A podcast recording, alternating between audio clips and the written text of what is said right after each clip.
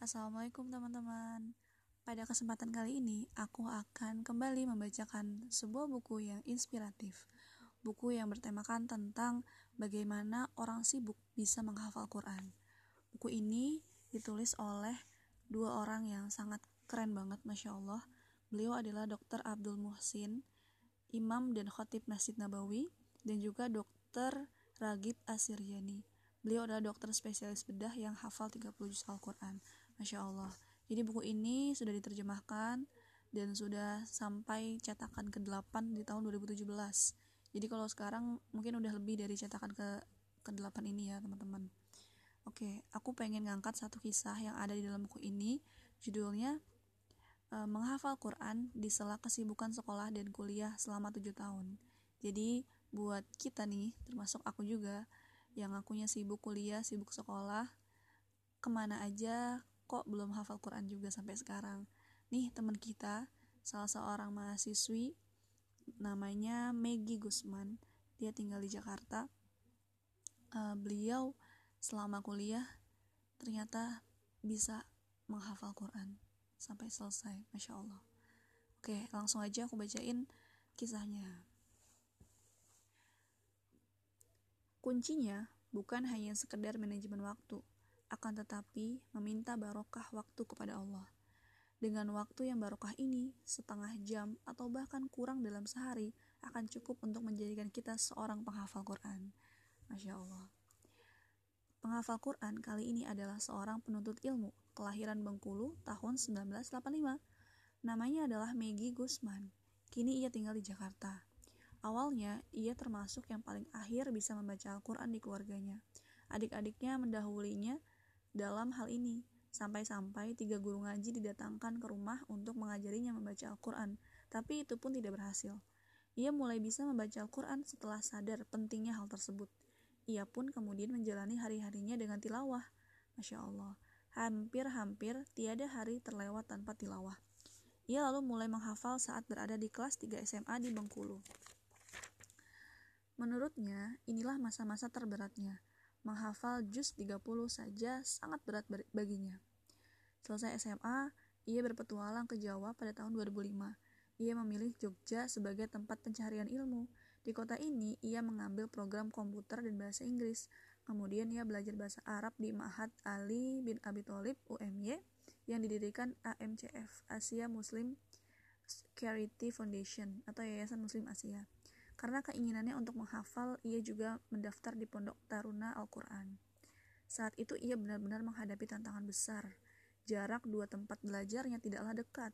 Ia harus mengayuh sepeda, tubuhnya pun sering kecapean. Waktunya juga tersedot di jalan. Ditambah lagi kesulitan dalam menghafal belum juga hilang. Ia pun kadang menangis dan hampir-hampir putus asa. Kadang pertanyaan terbesit dalam hatinya. Apakah saya memang tidak berbakat menjadi penghafal Quran? Akan tetapi, ada sebuah nasihat yang ia dapatkan dari seorang ustad ustadznya yang memotivasinya. Ini nasihatnya nih teman-teman keren banget. Saya tidak meminta kalian untuk hafal Al-Quran, karena hafalan itu rezeki dari Allah. Saya hanya minta kalian untuk berproses menghafal Al-Quran. Insya Allah, jika hari ini belum hafal, besok akan hafal. Jika besok belum hafal, lusa akan hafal. Jika minggu ini belum hafal, minggu depan akan hafal. Jika bulan ini belum hafal, bulan depan akan hafal. Jika tahun ini belum hafal, tahun depan kalian akan hafal. Dan jika sampai meninggal kalian belum hafal, kalian tetap akan dicatat sebagai seorang penghafal Al-Quran oleh Allah. Masya Allah. Dengan segala kondisinya tersebut, akhirnya ia mampu menyelesaikan hafalan juz 28 dan juz 29 di kota ini ia pernah memiliki pengalaman menggelikan. Suatu ketika, ia bertemu dengan seorang yang hafal tujuh juz. Ia pun bertanya dalam hati, ini orang hebat sekali. Bagaimana ya? Kok dia bisa hafal sebanyak sebanyak itu? Maggie kemudian pindah ke kota Solo. Ia mentransfer studinya ke Mahat Abu Bakar Ashidik UMS yang juga masih berada di bawah naungan AMCF. Di sela-sela studi bahasa Arab dan keilmuan Islam, ia menyempatkan diri untuk melanjutkan hafalan Al-Quran. Allah mulai memberikan kemudahan baginya dalam menghafal. Pada semester akhir, ia menyempatkan diri untuk mendaftar di sebuah pondok Al-Quran di Klaten. Ia pun hafal 12 juz Al-Quran saat lulus dari studi bahasa Arabnya. Masya Allah.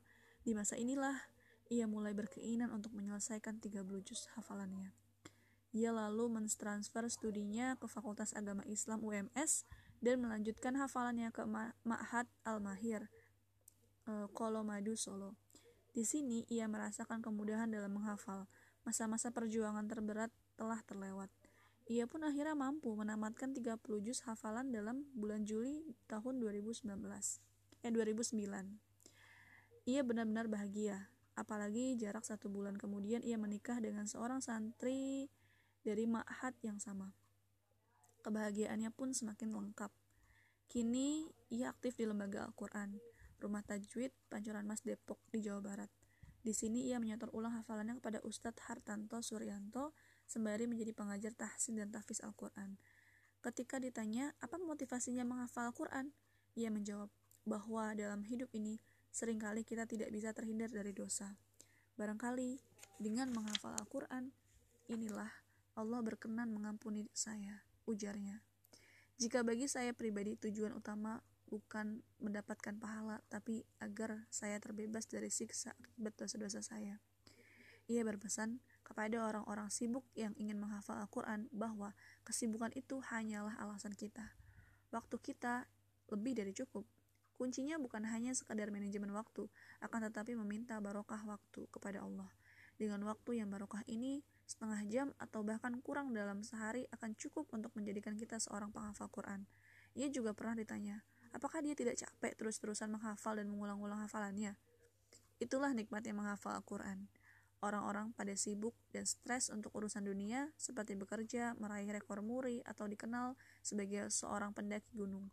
Pertanyaannya, kenapa kita tidak menyibukkan diri dengan sesuatu yang bernilai di sisi Allah? Selain itu, menghafal Al-Quran juga merupakan salah satu cara meneladani para sah sahabat Rasulullah Shallallahu Alaihi Wasallam. Jawabnya, masya Allah, kisah inspiratif dari saudara kita Megi awalnya aku pikir Maggie ini perempuan ya ternyata Maggie Gusman ini adalah laki-laki guys jadi uh, beliau uh, menghafal Quran semenjak dia kuliah tapi beliau juga uh, sambil kuliah sambil ikut ma'had gitu kan.